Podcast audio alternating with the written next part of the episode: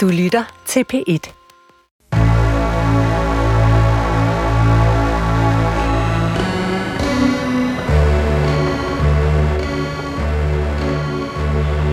Du har ringet til Hemmeligheder på P1.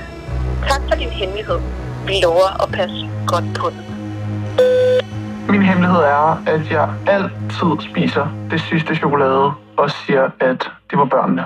Velkommen til Hemmeligheder. Mit navn er Sanne Sigalben Moyal, og jeg har netop afspillet den første hemmelighed for den telefonsvarer, man altid kan ringe til. Alt du skal gøre er at ringe på 28 54 4000, og så kan din hemmelighed blive vores. Du kan også, hvis du synes, det er lidt for vildt at ringe til en telefonsvarer, skrive en besked, og så kan vi gøre din skrift til lyd. Vi står over for sommeren, eller vi står lige på, på tærsklen til sådan ægte sommer. Men hvad gør det egentlig ved vores hemmeligheder, sommeren altså? Vi får flere hemmeligheder om kroppen. Det ved vi af erfaring. Vi får flere utroskabshemmeligheder. Vores telefon er som altid åben, og den er som sommeren åben for alt. Kom ind.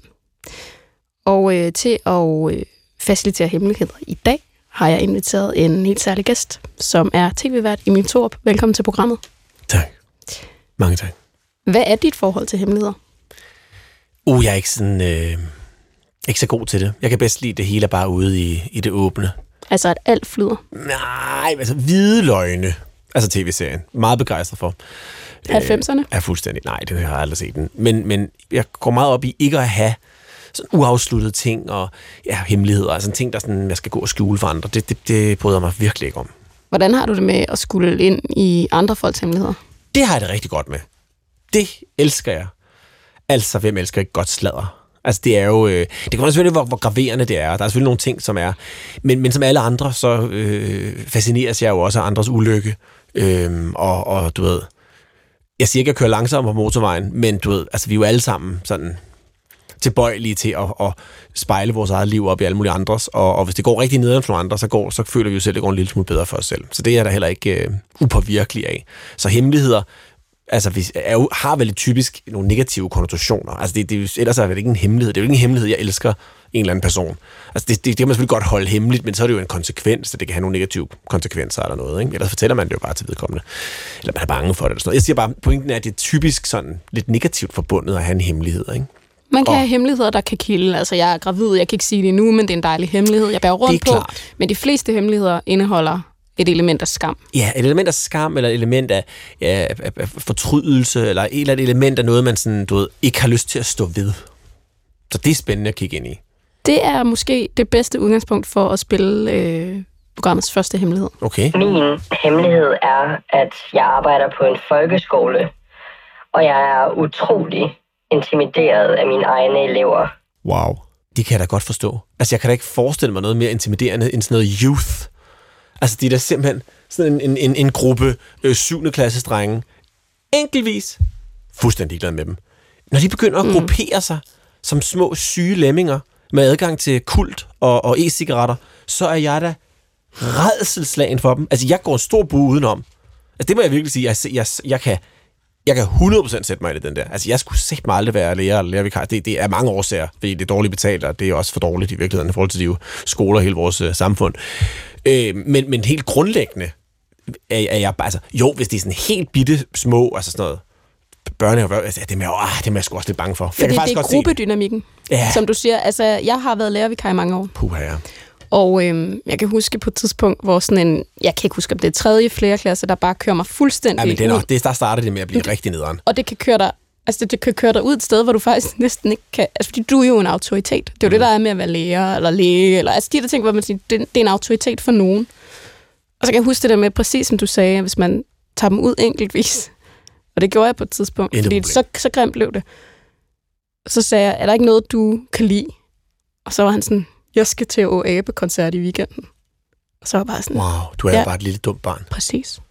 Det var sådan en gruppedynamik af 3. klasses elever, der havde kunnet køre mig fuldstændig ud over kanten. Om jeg kan da også selv huske det sådan i de lidt større klasser. Har da aldrig set et menneske være så frustreret og, og, og, og nedbrudt som vores klasselærer i folkeskolen. Altså det, det er jo bare... Altså børn er jo bare rigtig nederen. Så altså især sammen. Men de har jo ikke lige lært de der ting endnu. Og altså, ja. Hvor skal de så lære det hen derhjemme, eller i folkeskolen, eller hvorhen? Det, det er jo så en helt anden snak, som vi pludselig ikke måske diskutere her. Men jeg vil sige, jeg forstår godt vedkommendes øh, hemmelighed. Lige præcis den her type hemmelighed er jo essentielt aldrig slipper ud, fordi hvis de først lugter frygten, de er jo som vilde hunde. Så er du Små, færdig. savlende, øh, dårlige hygiejne, øh, hyæner, altså der knap nok kan tørre sig selv i røven. Det er jo, det er det de farligste. Altså, puha, det kan jeg godt forstå. Du kan jo heller ikke... Eller det kan du måske på det rigtige lærerværelse, men sådan, hvis du siger det som lærer, altså jeg er intimideret af mine elever. Jeg tror, du får noget. Jeg tror, alle er bare sådan, prøv at same. Tror du det? Ja, jeg tror, alle er bare sådan på 100%. I hear you. Altså, jeg er totalt med dig. Jeg er også det der... På jeg underviser 8. klasserne, jeg er da redselslag for mit liv hver dag. Altså, det forstår jeg godt. Det tror jeg, alle kan sætte sig ind i. Det tror jeg virkelig. Der, tror jeg, der er måske vil faktisk hjælpe lidt at åbne op og sige det højt på lærerværelset, så alle kunne sådan, hey, kunne vi ikke få en eller anden form for fælles øh, måde at håndtere det her på, eller en måde, vi sådan går til det? Altså, Jeg tror, du har ret i, at der skal være en, der siger det først, fordi jeg tror, at det er blevet til en hemmelighed, fordi man Ja. tænker, det er så uoverstigeligt, hvordan kan jeg nogensinde være lærer, hvis det er sådan her, jeg har det. klart, klart, klart, klart, klart. Hej. Min hemmelighed er, at øh, jeg for nylig har fundet ud af, at jeg er forelsket i min allerbedste veninde. Jeg kender hende siden folkeskolen. Hun ved ikke, at jeg er forelsket hende, fordi jeg har ikke fortalt hende det endnu, men jeg ved, at hun er biseksuel. Hun ved ikke, at jeg er ved at finde ud af, at jeg er det. Jeg tror heller ikke, at jeg har sat nogen titel på, hvad min seksualitet er. Men ja, det er min hemmelighed. Og den er jo meget nuttet, men der er jo mange lag i den her, ikke? Ja, for det er jo altid dejligt at være forelsket, men det er jo også pinefuldt at være forelsket.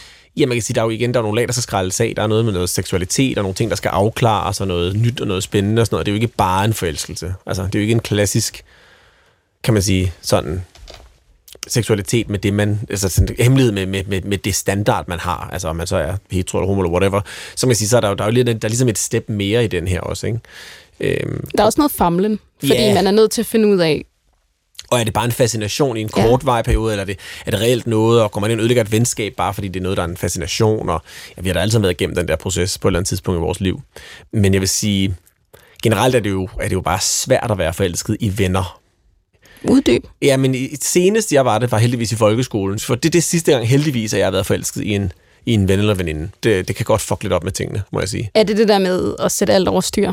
Ja, og også bare smerten ved at se vedkommende få en anden kæreste, eller snakke om at være forelsket i nogle andre, eller du ved, det, det, det, er jo simpelthen, det er jo simpelthen måske det værste, der kan Altså, at man sidder der helt, du ved ingenting om, hvordan jeg har det, og nu...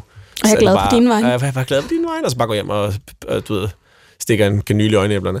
Altså, det er jo ikke... Øh, det, det kan jeg sagtens øh, sætte mig ind i. Så, så det er jo så spørgsmålet, om det er kommet dertil, eller om det bare lige nu er sådan en fascinationsting, øh, ikke?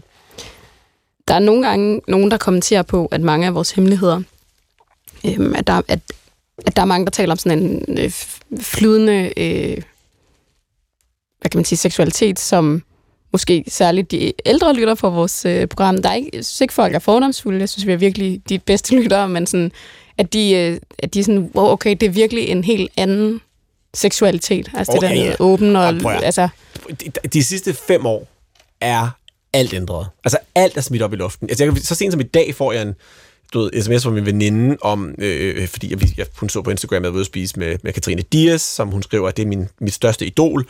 Og hun som hun siger, det er hun er den, jeg forsvarer mest ud over dig, når andre ligesom taler om ved dig. Ikke? Men så skriver så bagefter, men ikke længere, fordi nu er der ikke nogen, der, du ved, der du ved, stiller spørgsmålstegn med din seksualitet, eller din, altså, der er ikke noget, det er ikke ligesom en ting længere, fordi for fem år siden var det jo selvfølgelig super interessant for alle mulige, men altså, han er da, han er da homo, ikke? Og det havde jeg jo. faktisk glemt. Og jeg tror, det er fordi... Var, Ja, det var, du er i branchen og alt muligt. Jamen, dengang var det stort. Det var kæmpestort. Alle var totalt... Eller kæmpestort, slap af Emil. Men det var stort i mit hoved og i mine det var omgangskreds. med venner. forholdsvis stort, ja. Og jeg vil bare sige, der er simpelthen sket, jeg har ikke gjort noget for det, og jeg er også fucking ligeglad, men, men for min omgangskreds er jo ikke, de bliver påvirket, at der er altid nogen, der hele tiden de vil sladre lidt om mig til dem, det kan jeg godt forstå. Men den del er bare done. Det kan godt være, at vi ikke er det, ude i det allermørkeste vest, at det kan godt være, at det ikke er helt slået igennem endnu, men, men we're getting there. Jeg stiller ikke noget spørgsmålstegn med seksualitet, ting og bisøg ting. Helt fint. Men hvis hun er sådan, kan man sige, nyfunden biseksuel eller panseksuel, eller hvad hun har lyst til at kalde sig, så, øh, så, så er det jo i hvert fald måske noget, man skulle afsøge i et andet rum, inden man kaster over sig over sin veninde. Er det ikke, altså, er det ikke, kunne man ikke godt lige sådan... fordi der jo også er noget at miste. Altså, Ja, og man kan sige, at gå ud og teste det af, sådan det seksuelle af det, er også en stor del af det, og mm. det hedder jo også seksualitet, ikke nødvendigvis, fordi det har noget med sex at gøre, men, men det er jo bare sådan, det er måske meget rart lige at tjekke af. Jeg har da også ude at tjekke af, og bare tænke, Nej, ved du hvad? Den der tissemand, det interesserer mig sgu ikke rigtigt. Men det er godt lige at få, få det undersøgt, ikke? Godt lide- På egen krop. Det, du føler, du er konstitueret lige nu. Tjekke af. Lige tjekke af. Ikke? Tjekke af. Men det er da dumt at gå igennem hele livet, og så som 80-årig endelig slut på en tissemand og tænke, hold kæft, det er det bedste, jeg nogensinde har haft i munden. Det er da ærgerligt at finde ud af. Det er i hvert fald jeg vil da hellere finde ud af det som 30-årig. Jeg er ikke enig om det, eller 25-årig. Meget hellere. Det er i hvert fald et langt liv, Et langt kedeligt liv. man potentielt kunne have haft det. Ja, man kan begge dele. Altså, det ville være, oh, det er min vådeste drøm. Men altså, det, ja, sådan skulle det ikke være. Øhm, vi tager en hemmelighed mere, så vi lytteren med på telefon. Okay. Min hemmelighed er, at jeg bliver hurtigt ret betaget af folk. Eller sådan, når jeg får følelser for folk, så bliver jeg meget, meget betaget af dem og opslugt. Og så kan jeg ikke tænke på andet. Også selvom der aldrig rigtig har været, eller jo, så har der været lidt kemi, som jeg kunne mærke. Men det er ikke fordi, der har været noget, at vi aktivt har indrømmet over for hinanden, at vi har kunne lide hinanden. Og så forestiller jeg mig hele tiden, hvad nu, hvis de ville komme her nu? Hvad ville de tænke om mig her? Og det er ret drænende, og jeg ved ikke, hvorfor jeg har det på den måde. Det er ret upraktisk, kan man sige, fordi man bliver kun skuffet. Så dagdrømmer jeg alle mulige lykkescenarier, jeg vil få med dem. Og så er det ret skuffende, når man ser dem igen. Og til sidst kan jeg slet ikke genkende dem, fordi de historier, jeg har digtet, slet ikke er dem. Det er vildt besværligt. Ja, så det var det. Velkommen til programmet.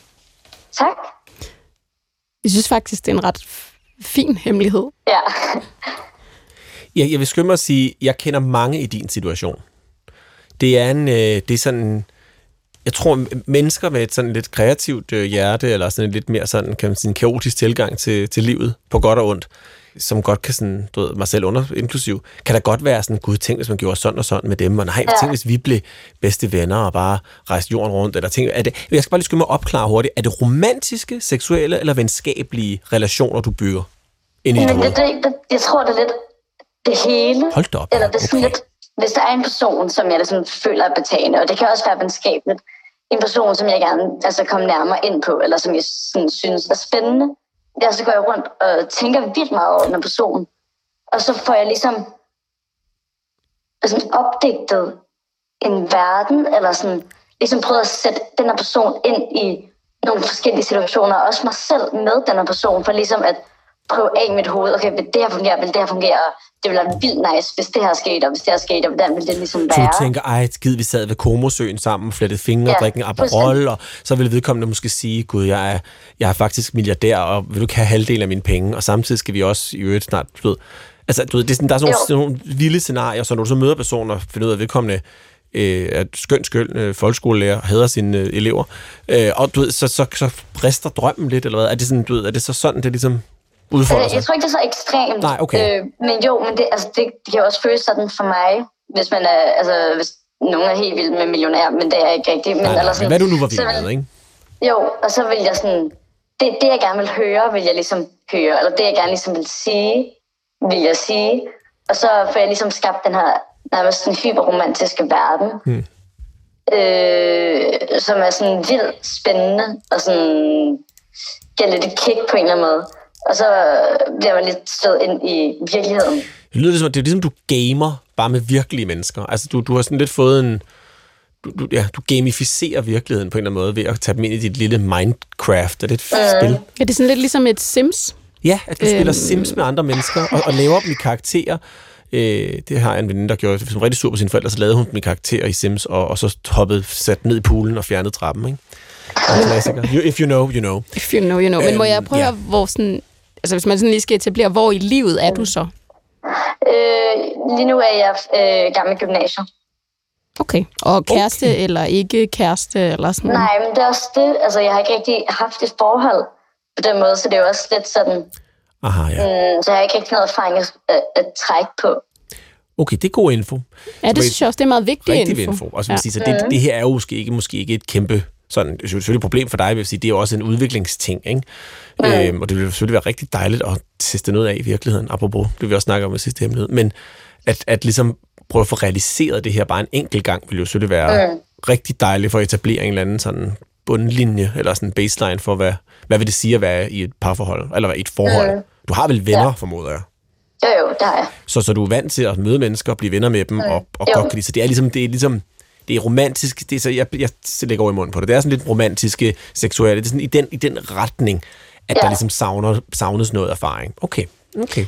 Tjener det ikke også en eller anden form for funktion? Altså forestiller jeg mig, fordi jeg har da også selv engang mm. været teenage-agtig og ligesom haft sådan en forestillingsverden, som egentlig også var ret rar. Jo, altså helt vildt. Og jeg føler da også, at jeg... Altså det er ikke fordi, at det jeg ligesom går rundt og fantaserer er totalt urealistisk og sådan noget. Og vi er ikke i Øhm, det er komosøen også- med en milliardær. Det er, det er Emils Åh, oh, øh, mig. Der var kun Ja, men, men det er heller ikke sådan... Øh, altså, jeg, jeg holder det virkelig sådan meget realistisk. Øh, men jeg tror også, at jeg bruger det lidt som en måde... Altså, er det blevet til nu? Øh, en måde ligesom at analysere mig og den anden person på. Mm. Uh, ja, det er også lidt Altså, farligt at ligesom starte med, at- måske, inden man kender personen. Ja, altså, men, altså, ja.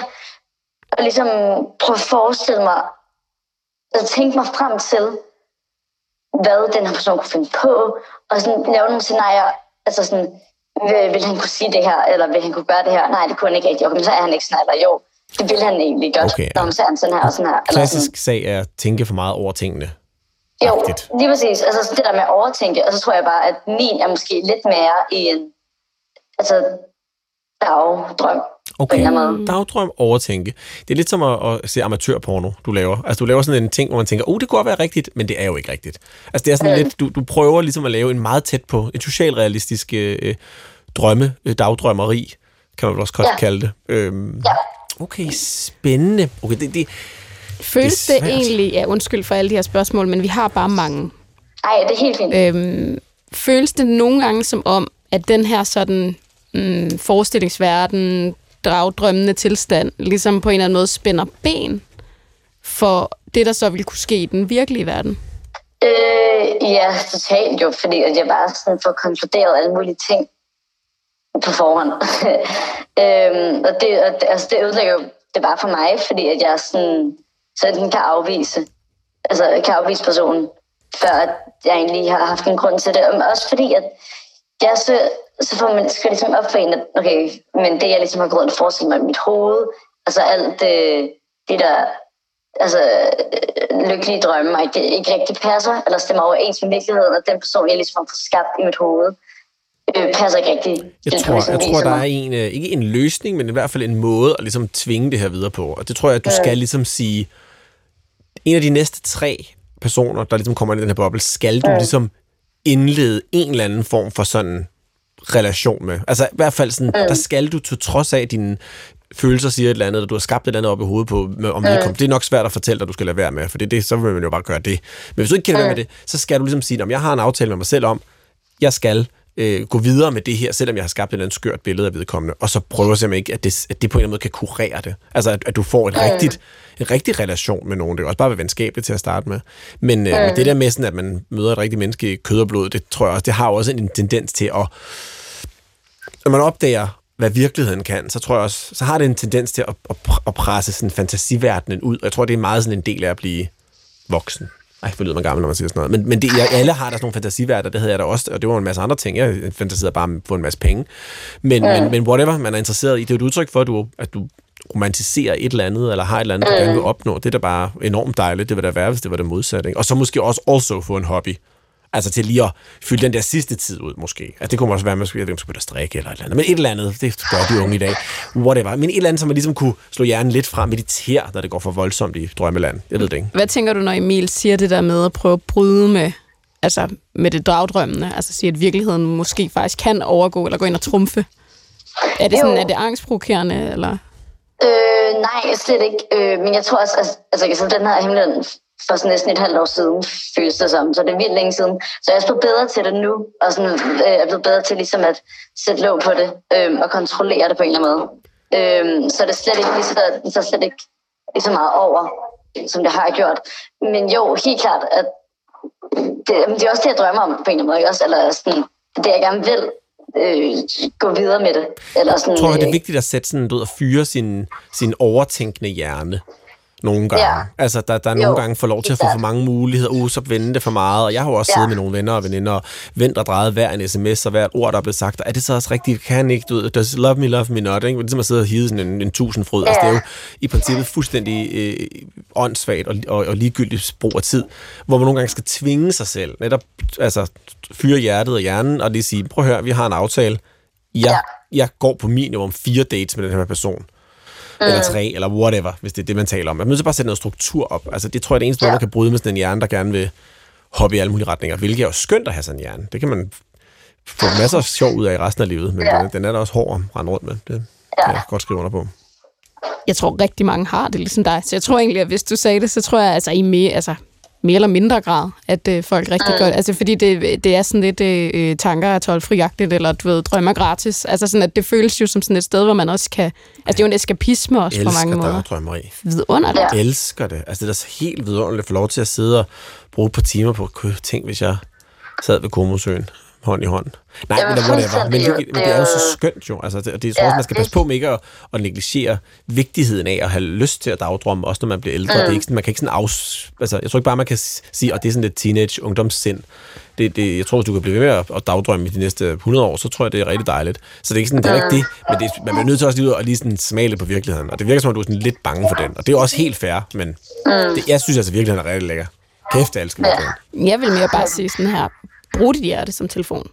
Ikke? Ja. Det er en god gammel 90'er ref- reference også. Ikke? Brug dit hjerte som telefon. Er det en hund, der synger mm. det? Jamen, det tror jeg, det er I hvert fald Martin Brygman. Det er i hvert fald Martin Brygman. Ja, mere kan jeg ikke sige. Det er meget nuttet tekst, faktisk. Men det er ja. rigtigt. Det er, I lige det her point, det er fuldstændig rigtigt. Mm. Tusind tak, fordi at du delte med os. Selv tak. Tak fordi I lyttede. Selv tak. Ja, men det er jo rigtigt nok. Du har jo ret, det er Just. også... Øh, jamen det, og det er ungdommen. Det er rigtig ungdom. Jeg bliver sådan helt, gud, jeg har lang tid jeg har dagdrømt. Det skal jeg da til at gang med igen. Jamen også fordi det er jo netop, hvis man, hvis man ligesom kan balancere det, og det er jo enormt dejligt. Ej, altså det er jo lige så godt som at meditere, det hvis man lækkert. kan det. Så lækkert. Ikke? Vi tager simpelthen øh, en øh, hemmelighed med. Ja, tak. Min hemmelighed er, at jeg ikke elsker min mand. Vi har været sammen i 30 år, og vi bor sammen, har bolig og sommerhus sammen, og jeg bliver på grund af alle de her ting, men øh, jeg elsker ham ikke, hvilket er trist, men sandt. Wow. Ja. Det er nok en klassiker, det der, ikke? Jo, altså, Ej, jeg du tror, ved, der er mange, der har det sådan her. det der med, at vi har realkreditlån, og det er et fast forrentet 1%, så hvad skal vi sælge, og hvad med børnene og hunden? Ved og... hvem der er børn og hund og sådan noget? Det ved vi ikke. Nej. Vi ved kun det der. Der er ikke Nå, noget bonusinfo. nej. Det er ikke masser af Monopolet, eller masser af A-holdet, og Sara A-holdet, og fuck det hedder. Nej. Okay, ja, okay. Nej, fordi det er også det, jeg godt nogle gange kan lide, det er, at vi har tit lytter igennem, så kan man få mere information, Klart, men nogle klart. gange så er det jo også sådan, du får lige den her lille bitte... Øh, Nugget. Ja. Og så er det jo også, Dybstegt kyllingestykke. du ved, at det er sådan, der er meget til det her, ikke? Der er, der er gået, der er vand under broen. Ja.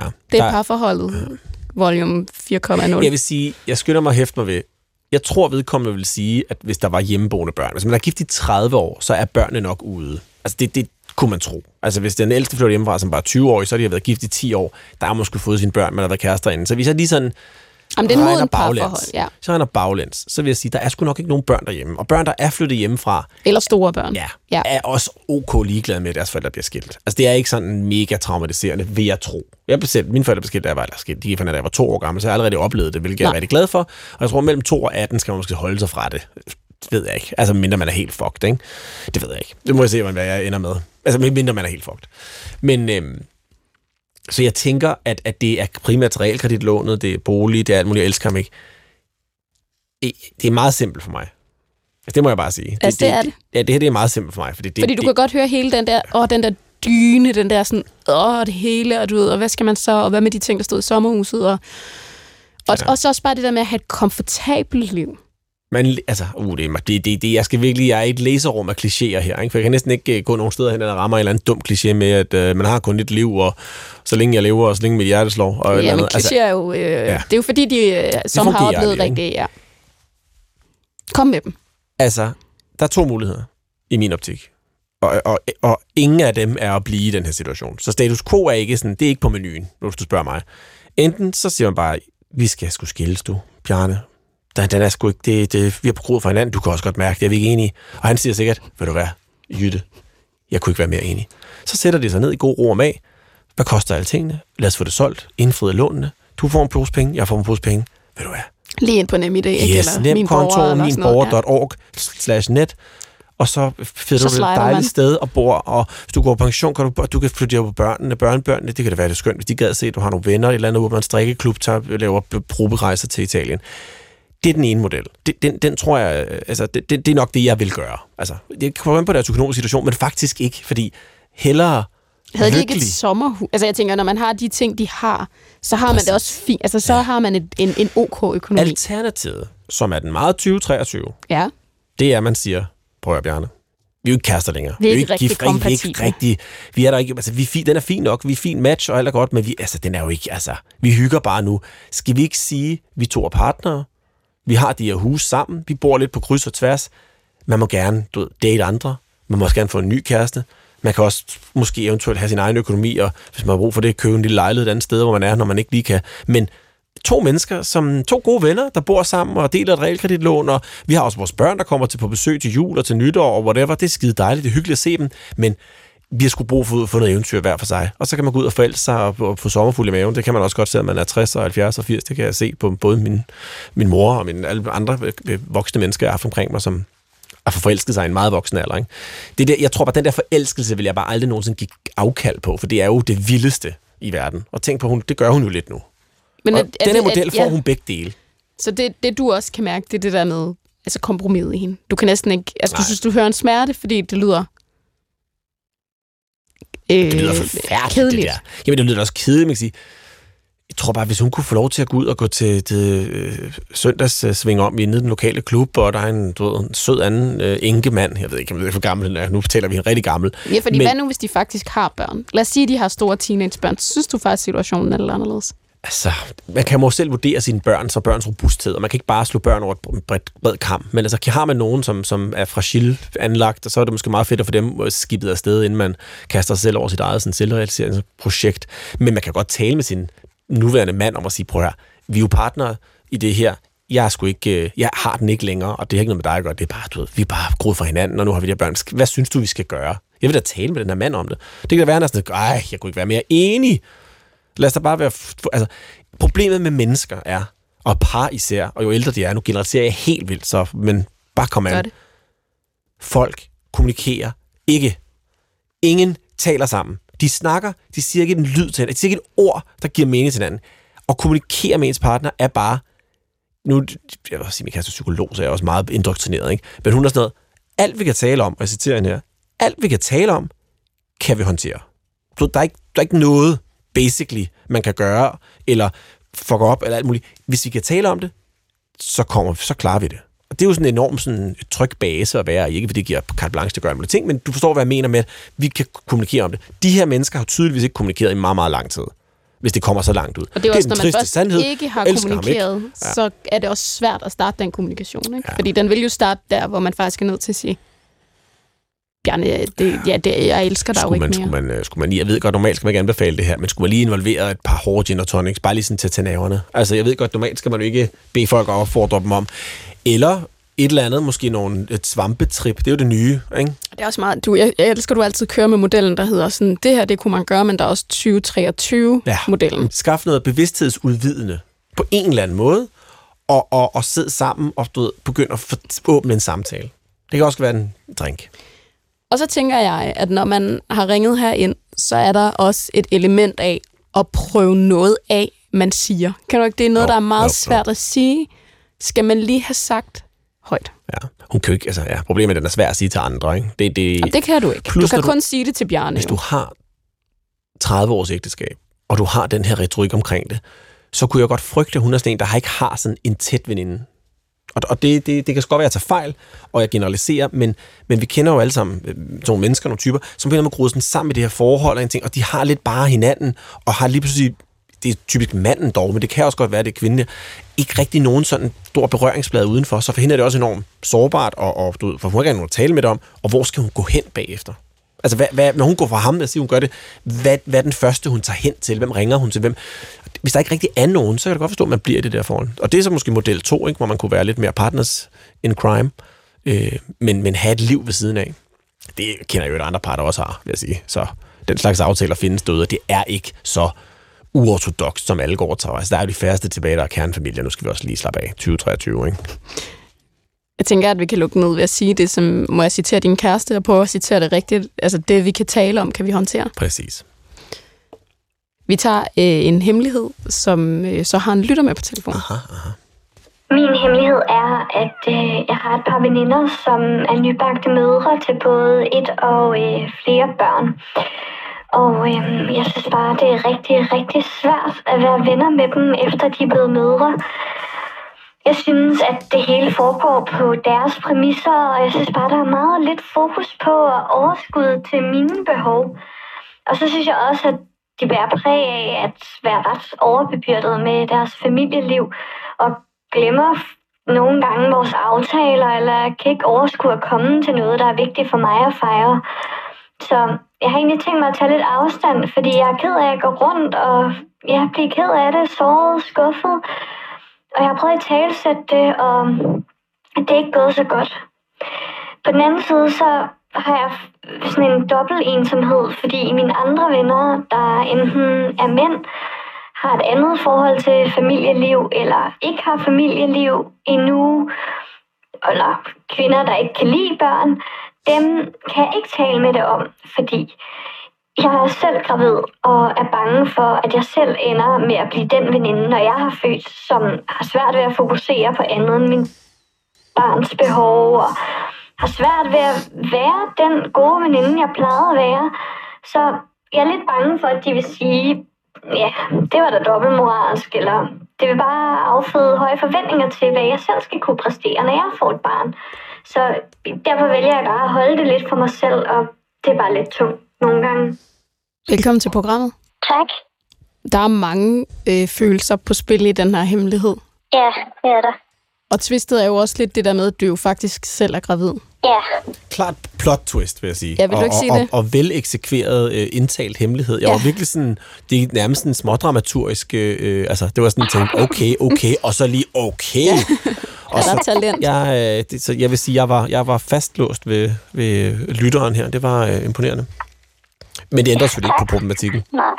Som jeg også må sige, øh, jeg kender og mm. har kendt, og jeg stadig prøver at navigere i, og har veninder, der prøver at navigere, og alt efter hvilken position man lige indtager der i slut 20'erne, start, midt, slut 30'erne. Altså det er jo der ligesom alle puslespilsbrikker helst skal lægges på en eller anden måde. Mm. Og hvordan lægger vi dem? Du taler om sådan en dobbelt ensomhed. Ja. Altså det er i virkeligheden, egentlig så lyder det som om, du, det, det er en, ikke engang dobbelt ensomhed. Du føler dig faktisk bare sådan lidt øh, efterladt på perronen Ja, det gør jeg. Det gør jeg. Det har været rigtig svært overhovedet at få dem til at sådan kontinuerligt at svare på, altså holde, holde samtaler kørende ved at svare på beskeder, i stedet for at stoppe med at svare med det, det hele, når vi prøver at arrangere mødes, eller ikke at aflyse aftaler, eller ikke at glemme dem, eller bare dukke op og fejre min runde fødselsdag. Øhm, det har været altså umuligt, og det har resulteret i, at den ene af mine veninder er jeg ikke venner med mere, og den anden, hende har jeg sagt til, at jeg bliver ked af det, når hun glemmer at svare mig, eller glemmer, at vi har en aftale, men det ændrer sig bare ikke, fordi det virker simpelthen som om, at det bare er så hårdt for dem at være mødre. Jeg elsker, at vi indtager, det skynder jeg mig lige at sige, tre forskellige synspunkter, fordi jeg er Niels mor, og du er gravid, og Emil har, så vidt jeg er bekendt, ikke børn. Og så vidt mig bekendt heller ikke nogen børn. Men jeg vil sige, det er jo, det er jo, det er jo et systemisk problem. Det er jo fordi, at vi har et, et samfund, der ikke er gearet til at have, og i hvert fald især for kvinder, ikke at have børn. Altså det er jo simpelthen, hvis de skal gå på arbejde og have et liv og alt muligt andet, så er der jo bare ikke, altså, der er jo ikke mennesket liv nok i det. Og det er jo det, der i virkeligheden er problemet. Det nægter jeg tror på, at vi løser det her program. Det er nok et, et politisk og det er pænt debat. Ja, det er nok mere pænt debat, ikke? Men, men man kan sige, det er, jo, det er jo som udgangspunkt ikke deres skyld. Hvis nok ikke tingene helt væk fra dem, men, men hvis de er fuldtidsarbejdende eller øh, studerende, eller på en eller anden måde, så, så, så kan jeg godt se, og det kan jeg også observere i min egen omgangskreds af, af mennesker, det er simpelthen ikke lade sig gørligt være veninde og mor og arbejdende samtidig. Det fungerer jo bare bedre for mænd, har jeg lavet mig fortælle. Øh, og det kan vi så gå og tale og tænke lidt over. Men, men så jeg tror i hvert fald, det er i hvert fald vigtigt, den der med, at du, sådan, at du sådan er skuffet over dem og sur på dem. Det, den, den tror jeg i hvert fald, man skal passe på med at, at trække ned over hovedet på dem. for de forsøger virkelig bare at leve op til at være, være den bedste øh, af alting på alle de her parametre. Og der er ikke nogen kinemand chance for, de kan det. Så det er selvfølgelig ærgerligt, det er dig, de negligerer. Men det er nok sværere for dem at negligere barnet og deres kan man sige, indtægt eller livsgrundlag. Ikke?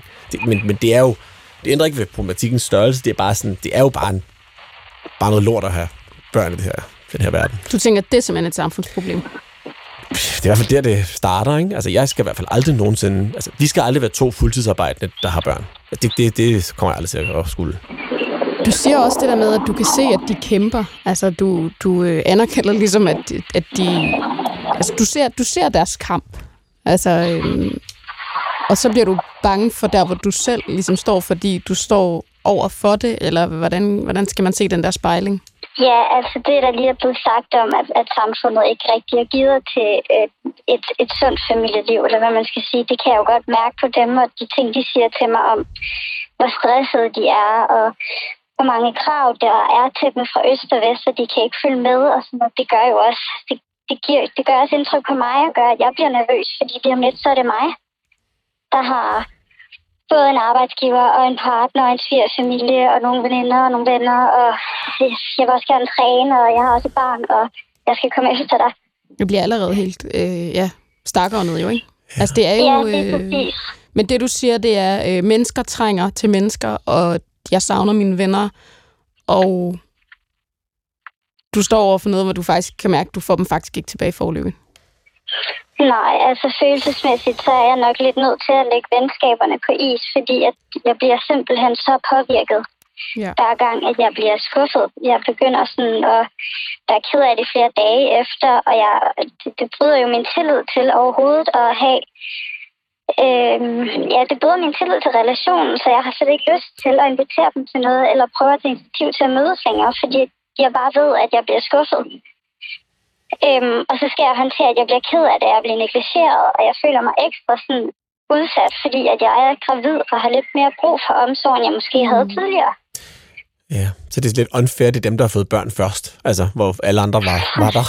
ja. ja, på en eller anden måde, ja. ikke? at det er sådan lidt, hey, I, jeg var ja. der rigtig meget for jer, da I var gravide, mm. og nu kan I ikke ligesom gengive den, den favor, eller den, øh, den opmærksomhed og den omsorg. Det, det kan jeg virkelig godt se. Øh, men, men, men jeg tror, det nok det, der er det værste for dig, nu lægger jeg ord i munden på dig, men, men det, jeg tænker er det værste, det er det med selv at være gravid og kunne kigge ind i krystalkuglen og vide, sådan her bliver mit liv højst sandsynligt også, fordi de parametre eksisterer også her. Er det ikke også i virkeligheden det, der spiller vel også ind, tænker jeg? Jo, altså det ligger en klar dæmper på, hvad jeg føler, jeg kan sige højt mm. til, til dem og til andre, fordi at jeg har ikke nogen urealistisk, synes jeg selv, forventning om, at jeg kommer til at være sådan et eller andet optimalt supermenneske, der kan rumme og overskue alt og husker alt og sådan noget. Så det er rigtig svært at få, få luftet de her ja, tanker, uden at være bange for at blive mødt med om et år. Jamen, kan du huske dengang, du selv sagde? Ja, det, oh, det er det, den værste. For, mm. Forældre er altid bare vent til du selv for børn. Mm. Og det er fordi, du ikke har nogen børn. Var sådan, altså, jeg kan stadig godt sætte mig ind i andre menneskers behov, og, og, og, og altså, jeg er jo ikke fuldstændig idiot, bare fordi jeg ikke har et afkom. Altså, jeg har stadig levet og eksisteret og, og haft samtaler med, med andre. Altså, jeg kan godt sætte mig ind i det. Slap af, ikke? Det er ja. bare et barn. Ja. Nu, jeg går altid i løsningsmode. Det er sådan meget... Det må du gerne. Jeg ved ikke, om det er, jeg ved ikke, om det er mandet. Det er i hvert fald meget min sådan. Det er det, jeg kan. Jeg kan ikke lytte til problemer. Jeg vil gerne løse dem. Det er til stor frustration for mine igennem tiderne partnere. Men det, der er jo rigtig meget sådan fokus på, at vi over beskytter vores børn for tiden. Ikke? Jeg føler, at du ved, der er enormt meget sådan, senest en sætland til, jeg læste for nylig om det der med, at vi bliver nødt til at lade børnene skulle klare lidt flere ting selv, og vi skal, pakke, vi skal ikke pakke dem ind i vat og så videre. Nu er der også noget, noget videnskabelighed. Kunne du ikke være sådan en, der vidste nogle ting om det? Kunne du ikke være sådan en, der havde lidt mere sådan viden om, prøv at høre, venner, al den tid, I bruger på at beskytte dem og køre dem frem og tilbage, det, den kunne I måske bruge sammen med mig, fordi her er den her artikel, der viser, prøv at høre, de skal selv få lov til at gå til ridning, eller whatever.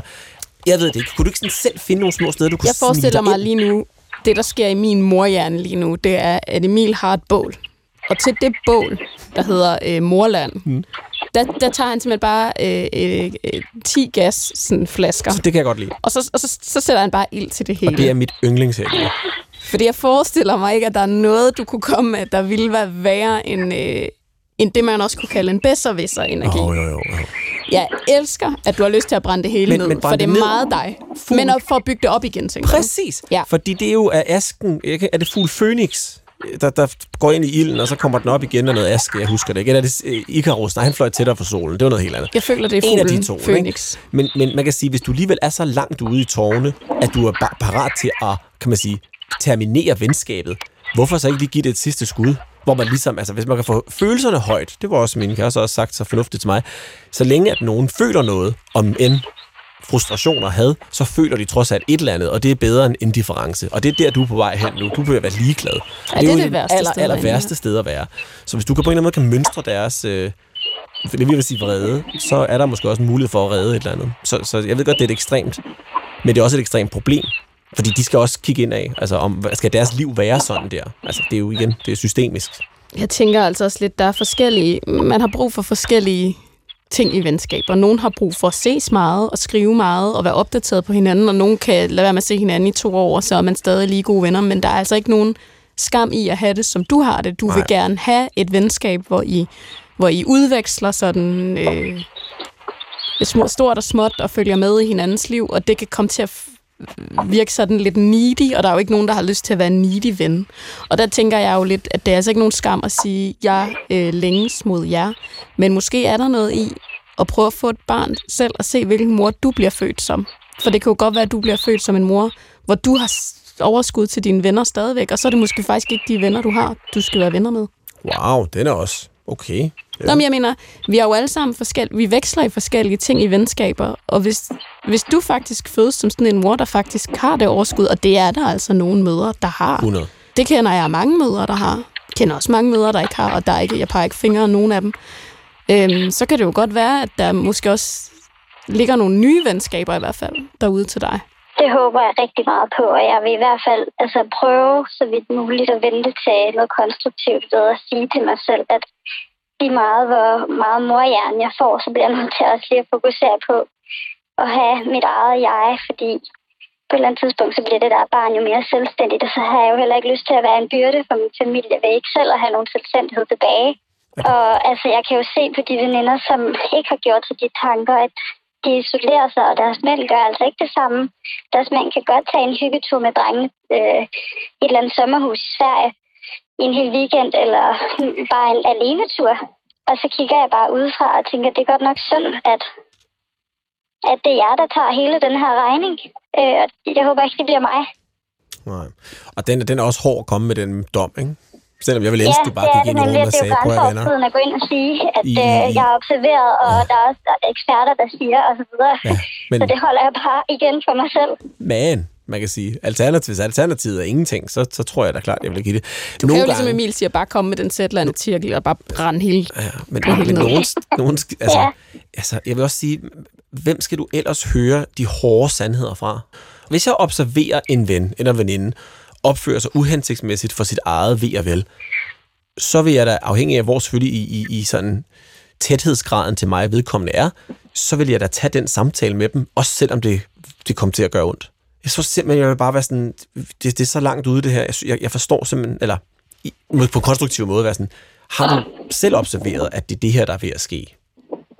Det, det tror jeg, se, det, vil, det tror jeg vil, og det lyder godt og lidt langt ude. Og så er der selvfølgelig nogle, om man kan sige, når du så får nogle nye venner, det gør man, når man starter i mødergruppe, hører jeg åbenbart, det, det er jo meget, meget ting, for det der er man lige præcis lige gamle børn, og det er mega fedt, og man møder nogle for høj og lav og sådan noget, det er jo, kan virkelig forme nogle meget tætte venskaber. Har du fået afklaret det andet, så er der også som rum for nogle nye, hvorimod ligger de der gamle veninder på sådan en backburner, øh, og, og rumsterer, og du er sur over dem og træt, så er du heller ikke sådan måske modtagelig over for nye venskaber, eller folk ser dig som sådan en oh, lidt ked af det type, der går, altså, måske meget fedt at få det afklaret, inden babyen kommer. Det tænker jeg bare. Giver det Og mening, det er jeg faktisk enig med dig i. Det giver totalt god mening følelsesmæssigt at have lukket noget for at få plads til noget nyt. Altså bare sådan, lad os lige sige, prøv at venner, skal vi lige få afklaret det her, om det bare er tak for denne gang. Så kan det være, vi kan ses igen om nogle år, når nogen er blevet ældre, men jeg synes, I opfører sådan, hvad synes I om det? Bum. Og hvis den så dør, jamen okay, så er du i hvert fald frist på et nyt kapitel. Og det virker som om, det er et nyt kapitel, du står overfor. Ikke? Lidt hård, hård udmelding der, det er noget jeg ved ikke, hvad siger du, Sande? Hjælp mig lige en gang. Jeg, jeg, jeg er ved at gramme mig for langt ned herude. Altså. Nej, jeg tror bare, jeg tror bare det er øh, forskellige positioneringer. Altså, det er jo også det der med, hvad kan man lide at leve med? Kan man godt lide, at ting er ligesom afklaret, før noget nyt starter? Eller kan man godt leve med, at det hele ligesom lige flyder til det hele lander? Så det er jo, øh, det er jo to forskellige altså, positioner, men jeg synes, at det er, øh, det er... Jeg kan godt forstå, at du har holdt det hemmeligt, øh, fordi det kan være... Altså, det kan virkelig være en svær snak. Men jeg tror faktisk lidt på, som Emil siger, at sandheden skal man høre fra sine bedste venner. Mm. Ellers så kan man lige så godt være ven med ki- kioskmanden, der udleverer davepakker eller et eller andet. Altså, Ja. det er jo der, man skal høre sandheden. Oh, Det er nederen. Det er super Ja, nederen. den er det... det Og øhm, alle kan genkende sig i det, du siger. Ja. Altså, alle, der kender nogen, der har fået børn, har jo også tænkt, det er bare en baby. du. Hvor, hvor slap nu af? Kan du, ikke, kan du aldrig nogensinde komme ud af de fire vægge ever igen, eller hvad?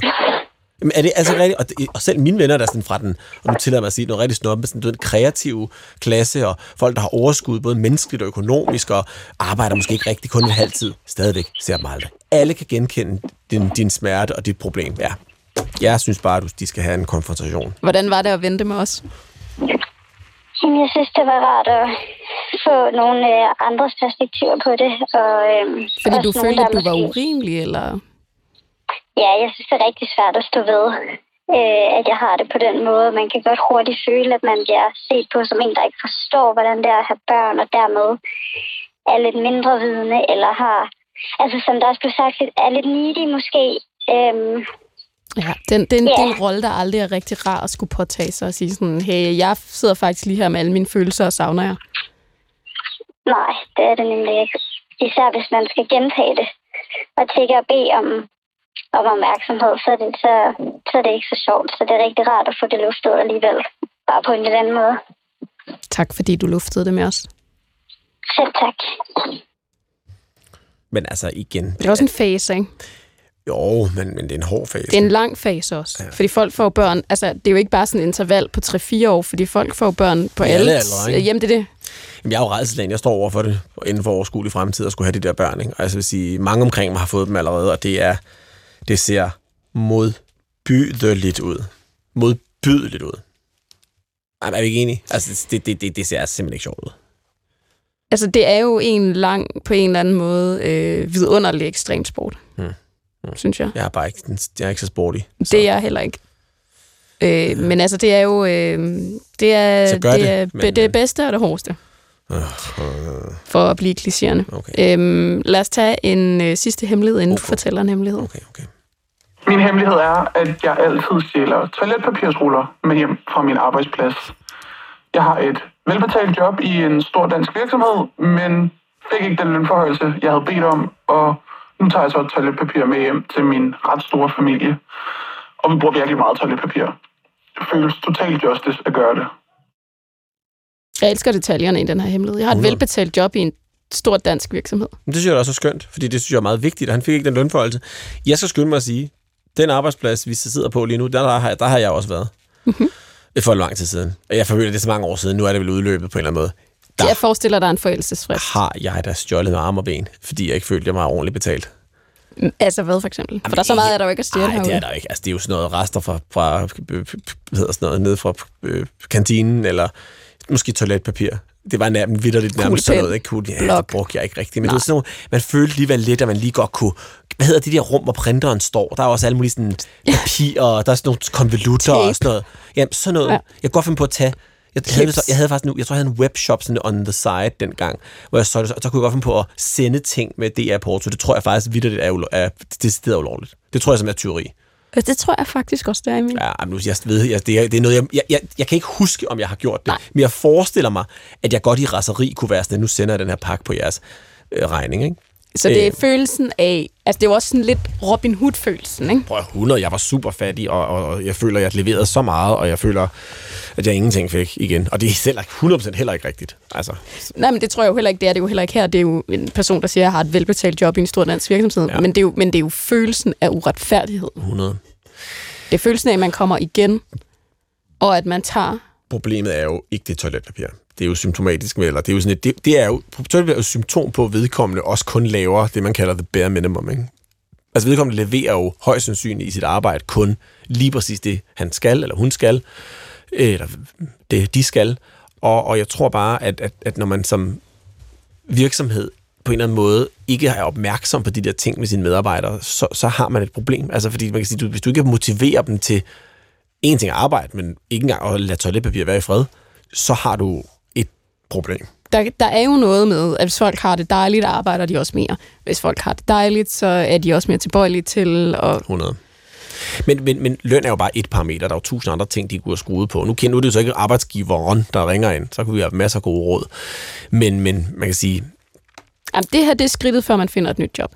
Er det ikke det? Og det er det. Og, og igen, det, det er jo nu, nu øh, quiet quitting, eller hvad kalder du det? Quiet quitting. Kender du udtryk? Nej. Nej. Det er et begreb, som er, er især blandt sådan den yngre generation, er meget øh, omtalt, at man ligesom ved ikke at rigtig gøre noget, lige så stille siger op ved at bare lave the bare minimum. Altså nærmest kun Mm. lige præcis gøre det, der står. Hvis der står i ens kontrakt, du skal arbejde det, så er du der søst 36 timer, 59 minutter, 39 sek- 50 sekunder, og så ud. Og du, du gør ikke, du, du, du laver kun the, det mindste, der overhovedet kræves af dig, for ligesom at blive forhåbentlig opdaget på den tidspunkt, og så blive fyret. Men, men du, du gør så lidt som overhovedet muligt. Det er en quiet quitting. Det er Sjovt. en helt stor ting, ja. Som sådan en del af sådan noget antikapitalistisk, eller... Men jeg tror bare, man er bare træt af hele det der, den struktur, ja. og det hele det kapitalistiske struktur, som også føles sådan lidt Det er rigtigt. outdated, ikke?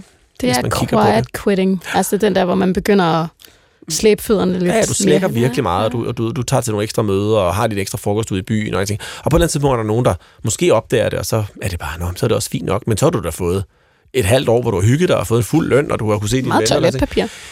Agtigt, ikke? Han er jo i fuld gang med en quiet quitting. Så øh, det er meget moderne, det han laver, vil jeg sige. Han, han tager sådan lidt mere sådan lidt, måske en altmodisk tilgang til det, men, men han gør nok også andre ting end det, kunne jeg forestille mig. Så det er nok et, et udtryk for, at han er et forkert sted, kunne jeg forestille mig. Men også en hemmelighed, jeg synes, man faktisk bare lige skal holde som hemmelighed. Ja, den Det er faktisk et godt eksempel på den der, den, Den kunne man godt blive fyret på, tror jeg. Altså sådan, Ja, ja, det hvis, kan- hvis det nogen var helt krakilske nede Det i er HR, klart. så Det skulle er man nok ulovligt. finde en, en, en, en, en eller andet. Altså, det ville være virkelig perfidt, men det kunne nok godt lade sig gøre, ikke? men vi er jo nået til et punkt, hvor du skal fortælle en det, hemmelighed. det, det kan gå, du, du har to muligheder. det kan gå to veje. Ja, bare to muligheder. Okay. Og du må godt, øh, du må ligesom på en eller anden måde gerne lidt vælge Det er ikke sikker på, at jeg tør i dit emnet. tilfælde. Ja, okay. Nej, men der er, ikke- der er ikke noget, der sådan er altså, voldsomt. Man kan sige, det der er med, med, med, med mig, er jo, jeg har jo ikke rigtig nogen sådan hemmeligheder, jeg ikke allerede har fortalt i mig og Thomas Skovs podcast over på Podimo. Må jeg godt lidt reklamere for. Kortvejet. Men fordi der, der taler vi jo om alt i livet, følge og Thomas. Og det, der, der, er vi, der har vi begge to sagt nogle ting, vi aldrig troede, vi skulle sige offentligt nogensinde. Så, så for mig at finde en, en hemmelighed, bliver lidt sådan hult, fordi det, det, det, det og, og man kan sige, de rigtige hemmeligheder har jeg selvfølgelig ikke tænkt mig at sige her, det siger sig selv. Så det er jo sådan lidt en, hvad, hvor er vi? Men, men og begge delene vil man også godt kunne finde ud af, tror jeg, på anden vis, men, men du kan enten vælge en afhængighed, eller en øh, ko- kontinuerlig løgn. Wow, det er svært, for jeg har jo lyst til at høre begge dele. Du er kun for den ene. Og så tror jeg faktisk, jeg kommer med toren. Kontinuerlig løgn? Ja. Ja, okay. Jeg lyver omkring, hvordan jeg for eksempel, hvad jeg for eksempel gør og siger i andre situationer, så jeg fremstår så god som overhovedet muligt. Lad os nu sige, at man, hvis du spørger mig, hvor tit træner du, så vil jeg konsekvent lyve det tal og antal bedre end virkeligheden, men nok gange til, at jeg også overbeviser mig selv.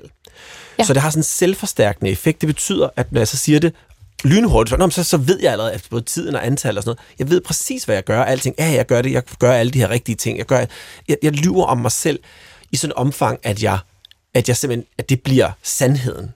Og, og, og virkelig kan slet ikke følge med. Så jeg har sådan altid en lille smule, både dårlig samvittighed, og, og, og, og er sådan og er blevet meget opmærksom på det, for jeg kan godt tænke mig at komme lidt mere ind til kernen af mig selv. Men det er sådan, en- og det er jeg også. Jeg har smidt rigtig mange å og mange, sådan kan man sige, øh, persona-lag, øh, hvis man kan kalde det det, at man, man har, som, når man er offentlig person, ikke, så er det jo noget, man bliver skrællet af over tid. Og jeg er meget tæt på, på min egen kerne nu. Men det er sådan en ting, og jeg tager mig selv i at gøre det, også over for sådan tætte, og, men også i interviews, og ting, hvor jeg tænker, lige 30 sekunder for sagt, hvorfor siger du det? Hvorfor siger du ikke bare det rigtige? Altså sådan det en er automatisering? Ja, det, er, det, er simpelthen, det, er sådan, det, er, så- det er så uhyggeligt fuldautomatisk for mig at lyve så elegant i sådan små, du ved, nok til at ingen lægger mærke til det, men bare sådan, okay, wow, det, går, det er Træning, imponerende. noget, du har spist, Whatever, ja, for et eller andet, eksempel, ikke? Bare sådan, ja, jamen, jeg holder den fuldstændig. Jeg gør Mm. mm. altid. Bare sådan, det gør du ikke. Hold din kæft, du er lige fucking et eller andet. Altså, og, og det er så dårlig stil. og jeg, og, men det er jo ligegyldigt, hvad andre tænker. Det er jo primært, hvad jeg tænker om mig selv. For jeg tænker om mig selv, du er jo bare en stor fed løgner. Og det er jo ikke fedt. Der Nej, er det ikke er andre, der finder fedt. ud af det. Der er ikke andre, der finder ud af det. Det er jo, det er jo små ting. Og det er jo ikke, fordi nogen går på tilbage og tjekker, gud, du tjekkede ind nede i fitnesscenter 20 minutter og siger, du, du har ikke taget en halv time, du har kun 20 minutter, og du har kun gjort det fire gange. Det er der ikke nogen, der tjekker. Men hvad tjener løgnen? Altså, det er hvad det. tjener løgnen andet, end jeg ja. bliver sådan bliver nederen over. Jeg, jeg føler mig sådan jeg er nederen over for mig selv, at jeg bliver nødt til at lyve om det, fordi det, jeg gør, åbenbart ikke godt nok. Så jeg tror, det handler om, at du ved, har altid været sådan lidt kikset øh, ung mand, øh, barn, øh, og er jo, kan man sige, på mange måder vokset op som nu som en, en svane. Altså, lad os være ærlige. Jeg, jeg intellektuelt kender jeg godt mit eget værd. Jeg ved, du ved flot, høj øh, mand, begavet, ligestallet, nok over mellem, humoristisk. Jeg har mange rigtig gode ting at sætte på mig selv, og det, og det ved jeg godt. Men sådan følelsen af ikke helt at være god nok, ikke helt stå til, den kommer sådan helt tilbage fra teenager. Den tror jeg, den bliver rigtig svær at slippe af med. Og det her, der kommer den ud igennem sådan, du ved, uh, så kommer den ud langs siderne som, som, du ved, som damp, øh, overophedet damp. Mm. Det er for eksempel lige at lyve sig en lille smule bedre situationer, hvor virkeligheden jo er ekstremt imponerende. Altså, selvom jeg holdt mig 10 procent af vigtigt, er det stadigvæk imponerende, alt hvad jeg gør. For det, det, er det, det kan jeg jo godt se intellektuelt. Yet, jeg bliver ved med at lige lægge lidt oveni. Hvorfor? Det er fortiden, der, ja. der indhenter dig der. Og det er så, altså, jeg håber, du har valgt den anden. For det, er bare, det var nemlig, ja. at jeg gamer i smug. Men det er noget helt andet. Det er jo faktisk ikke lige så sjovt. Så det er godt, du tog den der. Nej, men den er, men den er interessant. Altså, det, er oprigtigt, skørt? det er den, jo. Også fordi ja. netop folk kender dig som den her personer, men også faktisk mere, som jeg faktisk synes er mere interessant, det der med, at du siger, når man har sagt det nok gange, ja. så tror man lidt selv på det. Ja. Altså, og, og jeg, jeg, jeg behøver ikke lyve om det længere. Jeg er med på i starten af ens karriere, eller i starten af, når man er ung, og så, så ligger man der lige 20 procent til, lige moms oveni. Ikke? Altså, det, du har ikke behov for det? Ingen. Nej. Overhovedet. Jeg har det vidunderligt. Jeg, jeg, jeg, jeg har det fantastisk, og et skønt kæreste, og fantastiske venner, og god karriere, og alt, jeg laver, elsker, hvad jeg Altså, jeg har ikke en finger at sætte på noget. Hvorfor lyver jeg for andre og mig selv om, hvordan jeg er? Det giver jo ingen fucking mening. Det er min hemmelighed. Så man kan tåle dagens lys, fordi så der er nok også andre, der har det sådan her, kunne jeg forestille mig. Så man, det, man skal nok kigge lidt ind af. Så skal man generelt gøre noget mere. Det skal man generelt gøre noget mere. Øh, tak fordi, at du er med til at lytte til andres hemmeligheder. Og tak fordi, du fortalte øh, en hemmelighed til os. Og øh, tak fordi, I lytter med derude.